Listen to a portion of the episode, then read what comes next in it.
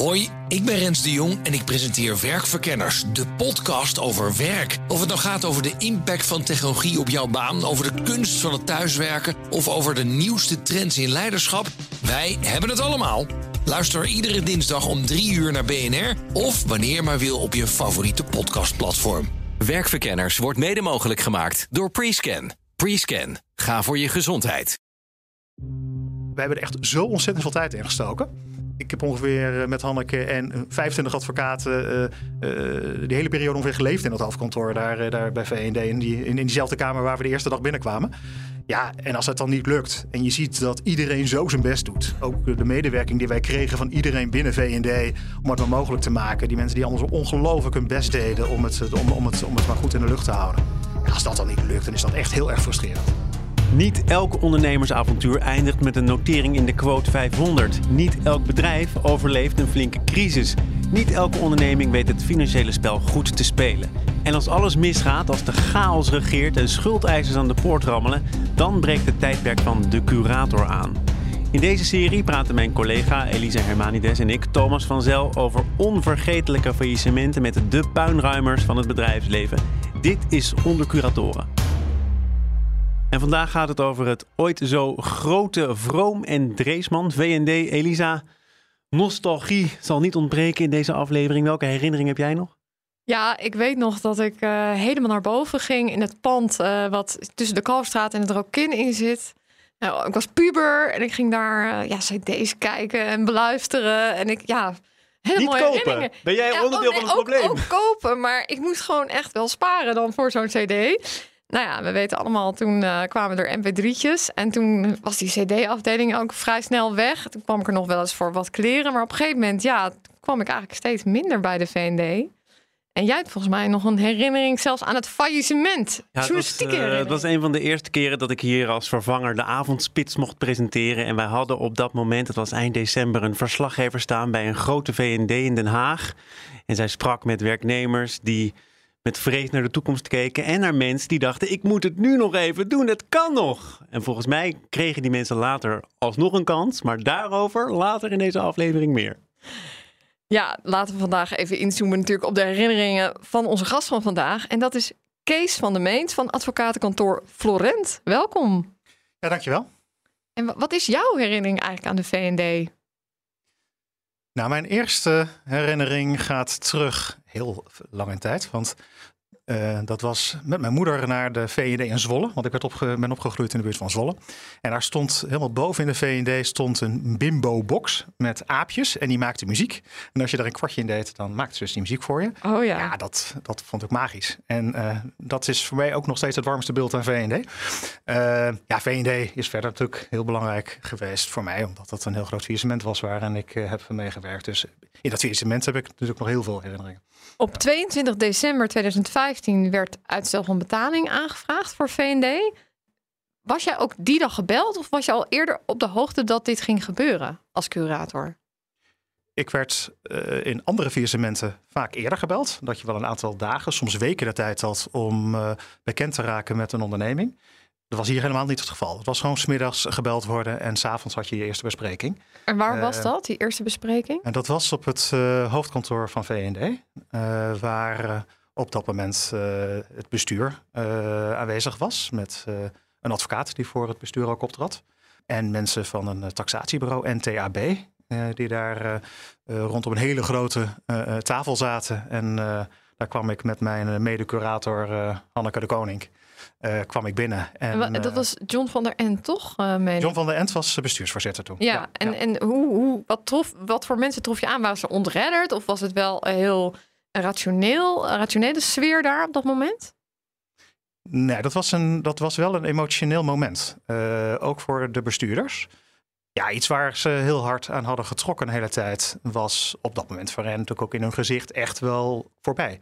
En eh, daar zaten ze zeker mee. Dus dat, dat liet, ze- liet ze zeker niet onberoerd. Maar tegelijkertijd stonden ze ook wel weer in een soort van eh, werkmodus van... maar goed, we moeten zorgen dat er een doorstart kan plaatsvinden... en we moeten met die curator daarmee aan de bak. Dus dat was best wel een beetje spannend. Dan heb je Ehm, opeens 62 warenhuizen en 250 eh Laplaces. is heel veel. Ja. Ja, en Ja. 10.000 medewerkers. ja. En daar moet je dan een weg in vinden. Waar begin je dan? Het is voor mij een beetje lastig, hè, want er zijn twee takken. We hebben Laplace en, Ja. eh, en we laten nu vooral even over V&D, denk Ja. ik. Hè? Nou ja, laten we, we kunnen vaststellen dat Laplace, dat was volgens mij, den, denk ik voor mij als journalist eh, van Trouw toen ook wel snel, duidelijk. Dat was gewoon de kip met de gouden eieren. Daar kon je nog wat aan verdienen, toch? Was dat voor jou ook snel duidelijk? Ja, dat is zo. Want dat was op zich een concept dat eh, gewoon goed eh, functioneerde. En dat meegenomen was doordat ze gezamenlijk in de financiering zaten. En dus ook omviel doordat V&D omviel. Voor ons was er ook geen aarzeling dat voor, voor Laplace een oplossing te vinden zou zijn. En er was een surseance van betaling. Hoe snel weet je dan ook dat het, dire- dat het een faillissement gaat worden? Ja, dat wisten we eigenlijk heel snel. Eh, de salarissen waren betaald tot en met 31 december 2015. Maar wij waren niet in staat om op basis van de opbrengsten uit de lopende operatie de salarissen van januari te betalen. Dus dan staat er ergens een keer een handtekening onder een ontslagbrief voor 10.000 medewerkers. Ja, 10.500 medewerkers. Ja, dat is. eh, dat gaat je niet in de koude kleren zitten als je dat moet doen. Want je realiseert je op dat moment wel dat je ontzettend veel onzekerheid creëert bij heel veel gezinnen die natuurlijk afhankelijk zijn van, eh, van het inkomen dat, eh, dat verdiend wordt bij een V&D. Maar daar kun jij je als curator toch niet echt verantwoordelijk voor voelen? Jij bent toch niet degene die de puin gecreëerd heeft? Nee, rationeel kan je dat, kan je dat wel zo zeggen. Eh, en dat is rationeel ook waar. Sterker nog, doordat wij dan die handtekening zetten, kan een loongarantieregeling in werking treden. En kunnen eh, mensen aanspraak maken op eh, een regeling die dus de salarissen van hen alsnog uitkeert bij het UWV. Maar een ontslagbrief heeft wel wat te betekenen voor de mensen die hem ontvangen. En dat, dat heb je echt wel op het netvlies. Het was vrij snel du- duidelijk dat jullie Laplace wel konden verkopen aan Jumbo. Hè? Er waren echt meerdere gegadigden, maar Jumbo had het beste bod, geloof ik. Ja, als je start met zo'n eh, zo'n faillissement, dan eh, richt je een eh, biedingsproces in. En daar waren meerdere serieuze gegadigde partijen voor Laplace die zich bij ons melden. Maar de bieding van de Jumbo was veruit de hoogste bieding. Dus daar hebben we niet heel lang over hoeven nadenken eh, of dat de koper zou moeten zijn. Uiteraard moet je nog wel een tijd onderhandelen om uiteindelijk een prijs te krijgen. En hoeveel leverde dat uiteindelijk op voor de boedel? eh, 48 miljoen euro voor alle onderdelen. Dan wil ik heel even een stukje terug in de tijd. Hè? Want in de, nou, eigenlijk naar de tijd dat private equity partij KKR eigenaar was van V&D. Dat is al een beetje halverwege de jaren nul. En van oudsher was V&D natuurlijk als warenhuis in bezit van al die grote, soms mooie, soms lelijke, denk ik, eh, panden in grote en middelgrote steden. Maar KKR besloot vanaf 2005 om die panden te gaan verkopen via zo, zogeheten sale- en lease-back constructies. Ze werden dan weer teruggehuurd door V&D. Daarmee werd ontzettend veel geld ook verdiend in die tijd. Hoe kijk jij daarop terug? Wat heeft dat in jouw optiek betekend voor V&D?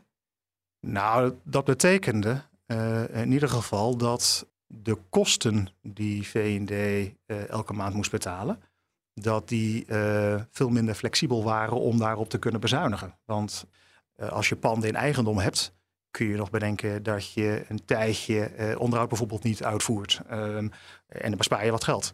Als je huurt, dan moet je gewoon elke maand de huur overmaken. En dat is niet een flexibele kostenpost. Net zoals de kosten die verband houden met personeel niet flexibel is. Dus je bent daarmee wel een heel log apparaat geworden. En je bent niet heel makkelijk in staat om in te spelen op veranderingen in de markt. Eh, je- Dus eigenlijk, dus eigenlijk eh, ook een beetje een appeltje voor de dorst, toch? Dat, dat vastgoed. Dat was het in het verleden zeker. Ja, en Ja. het appeltje was eh, daarmee weg. En ehm, hoe, wat betekende dat? Hè, die, je had dus als curator ook te maken met verschillende pandeigenaren. Daar moest je natuurlijk ook mee in onderhandeling, denk ik. Ja, dat waren wel heel veel partijen. Bij V&D was, ja, telde eigenlijk bij alles dat het over hele grote aantallen ging. Dat maakte het ook wel lastig om het aan te sturen. Dus we hebben op een gegeven moment een bijeenkomst gehad met alle verhuurders. Al vrij snel in, het, eh, in de surseance. Eh, en hebben toen besproken met de eh, verhuurders dat het wel heel zinnig zou zijn om een vertegenwoordiging van hen voor het bijpraten in te kunnen richten. Omdat wij niet met iedereen steeds konden bij, blijven overleggen. Dus er is toen een afvaardiging samengesteld uit die groep. En daar hebben we wekelijks contact mee gehad. En één keer in de zoveel tijd hadden we dan een overleg met alle verhuurders, zodat die dan ook hun vragen konden stellen. Maar die verhuurders stonden uh, op zich best positief, constructief in de wedstrijd. Want die hadden wel belang bij een doorstart van VND. En als zij al vrij snel dwars zouden liggen, zouden ze zo'n doorstart mogelijk ook frustreren. Is er een partij geweest die zei die 62, ik neem ze allemaal? Of was van meet af aan duidelijk, het gaat hier om de beste panden, het gaat om het aantrekkelijke deel van de boedel? Ja, dat laatste. Hoeveel serieuze gegadigden waren er uiteindelijk? En hoe zijn jullie daarmee in gesprek gegaan? Er waren uiteindelijk, uh, uit mijn hoofd gezegd, twee partijen die serieus geïnteresseerd waren. Uh, en één haakte op een gegeven moment ook lopende dat hele traject weer af. En toen hadden we er nog eentje over. En die, uh, die heeft, uh, dat die was heeft aandacht in de pers gekregen. Dat was, dus daar hoef ik niet geheimzinnig over nee, te doen. dat was Roland Kaan. Die andere, die ander mag je nog steeds niet zeggen wie dat was. Nou, dat vind ik niet netjes. Nee, omdat ik wel heel graag wil dat partijen uh, er vertrouwen in kunnen hebben dat hun curator zijn snater houdt als het, als het niet goed gaat. Omdat ik ook heel graag zie dat ze zich een volgende keer ook weer uh, bij mij melden. En weten dat dat dan ook vertrouwd is. En dat als dat dan niet lukt, dat zij dat dan niet terug hoeven te lezen in de krant dat zij interesse hebben gehad. Want dat zou hen kopschuw kunnen maken voor een komende doorstart. En Roland Kaan, bekend natuurlijk van Coolcat, bekend met de detailhandel. Uh, dacht je meteen van, nou, dit, dit kan misschien wel eens gaan werken?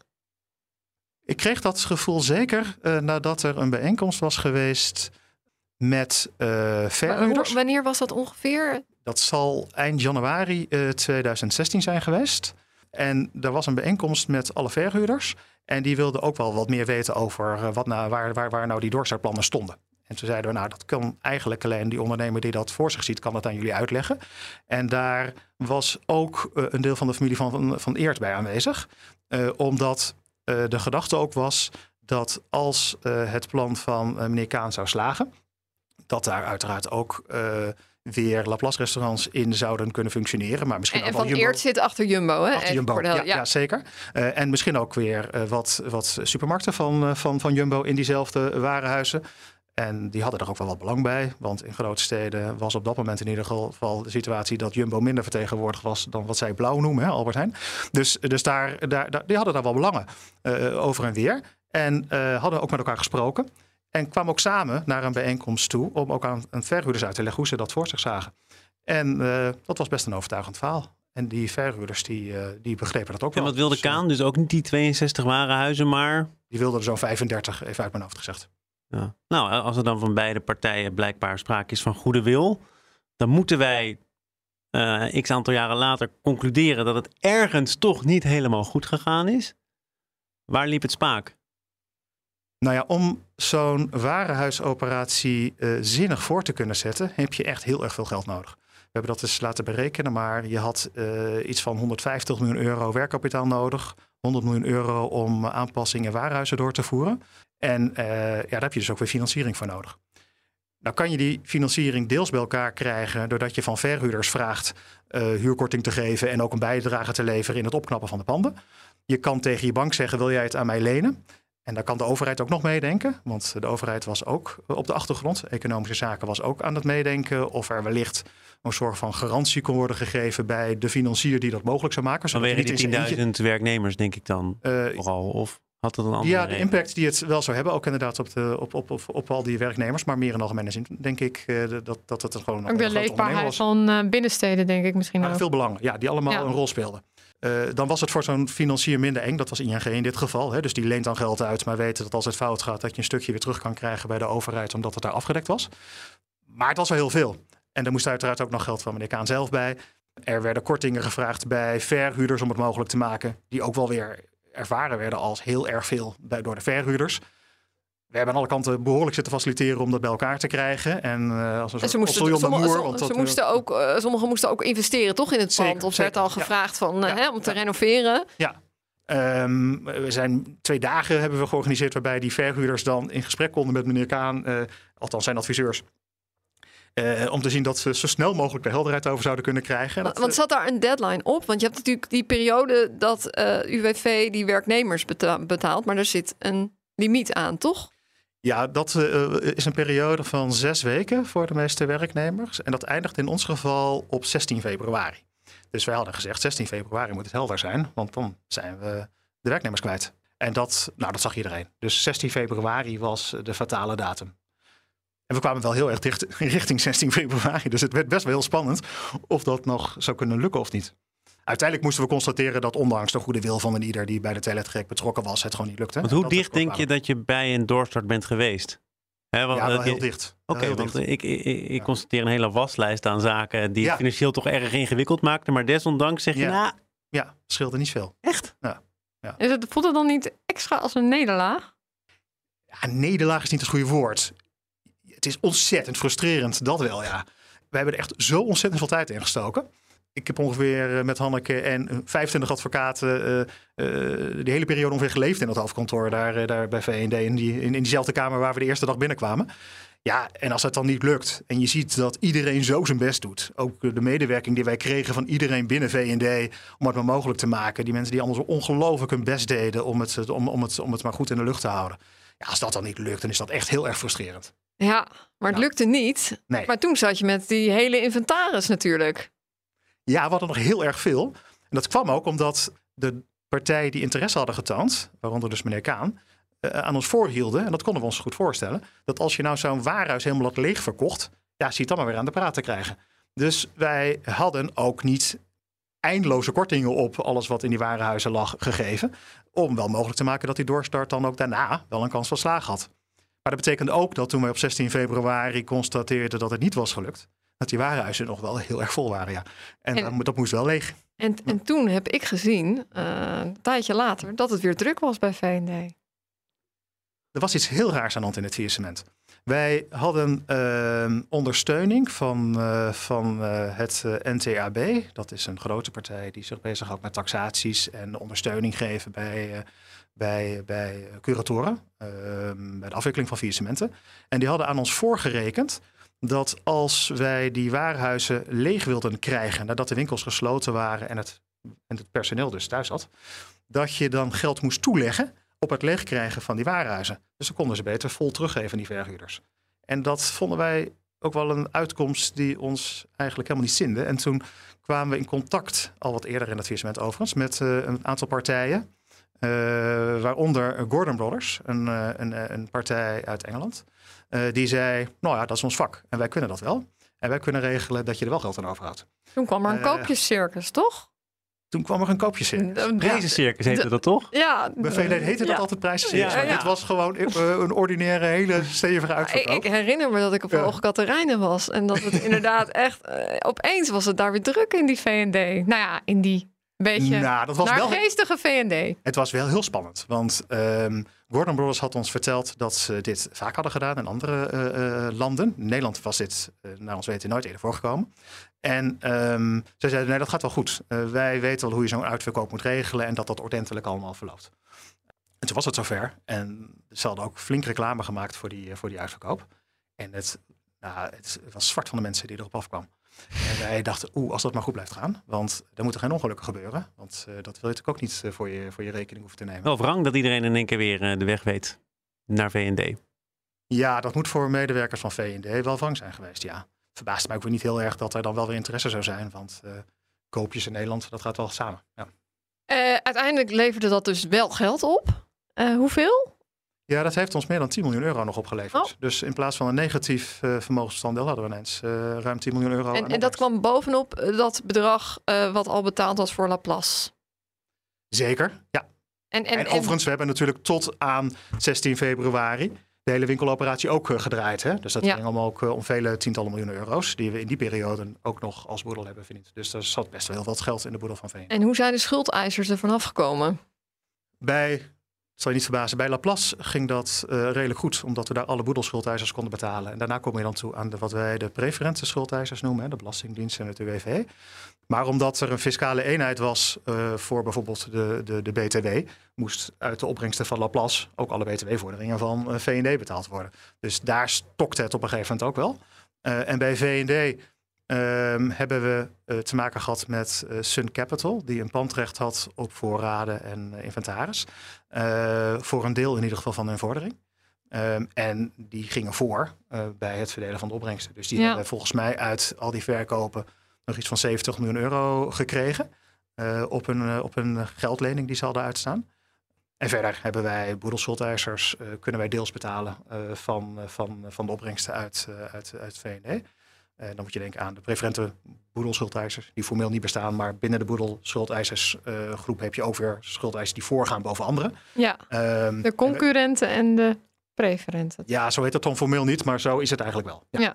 En uh, de concurrente uh, boedelschuldeischers zijn bijvoorbeeld de verhuurders. En dat is, uh, dat is ook het stuk waar het bij VND strandt. Dus, en hoeveel hebben die dan? Oh, die hebben niks gekregen, bedoel je wel wat, maar we zijn nog aan het berekenen hoeveel dat is. En dat, Jullie zijn nu nog aan het berekenen hoeveel het is? Ja, klinkt gek, maar dat komt oh, omdat, ja. er, dat komt omdat wij daar eigenlijk... Nee, we waren er op zich helemaal mee, mee klaar. En zei het dat er twee jaar geleden een arrest van de Hoge Raad is geweest. Het paperlinks-arrest. En dat bepaalde dat je over eh, huurvorderingen in een faillissement, boedelvorderingen, ook aanspraak kan maken op rente. Dus dan moet je eigenlijk weer terug naar de oh. huurovereenkomsten. En dan zou je zeggen, ja, als iedereen nou hetzelfde bedrag of hetzelfde percentage aan rente krijgt, dan maakt het weer niet uit, want uh, dan uh, ponsgewijs krijg je weer uh, hetzelfde.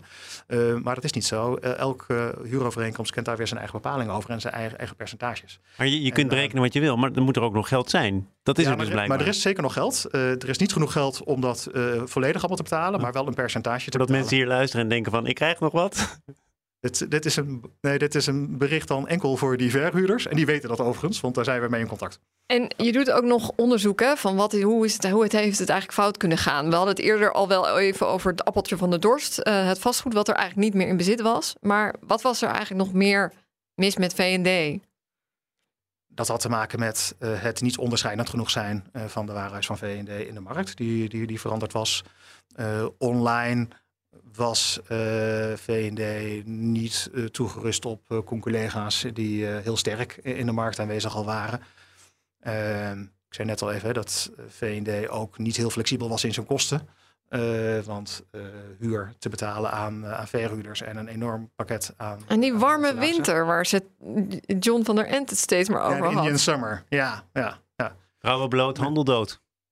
Ja, nou ja, nee, dus de, de directie zelf uh, keek vooral naar het laatste stukje, net voorafgaand aan het faillissement. En noemde dan inderdaad eh, dat er een warme, zo, eh, warme zomer was geweest. een Indian summer eigenlijk, dus gewoon september, oktober vooral die wind. Uh, maar ook dat Dixon's Feet was gegaan. En dat was een van de belangrijke shops in de shops. Ja. Um, dus dat was relevant.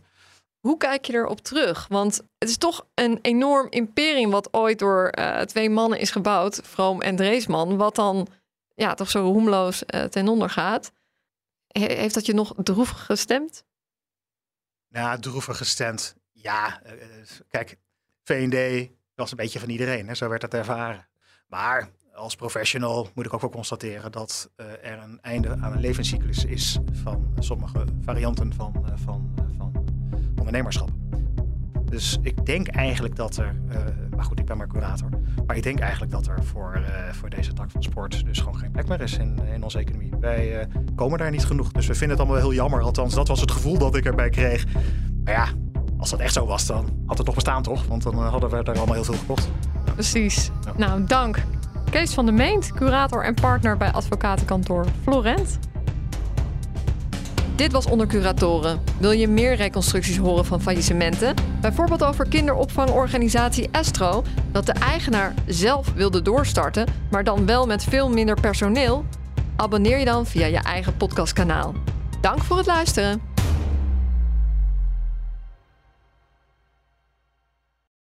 Hoi, ik ben Rens de Jong en ik presenteer Werkverkenners, de podcast over werk. Of het nou gaat over de impact van technologie op jouw baan, over de kunst van het thuiswerken of over de nieuwste trends in leiderschap, wij hebben het allemaal.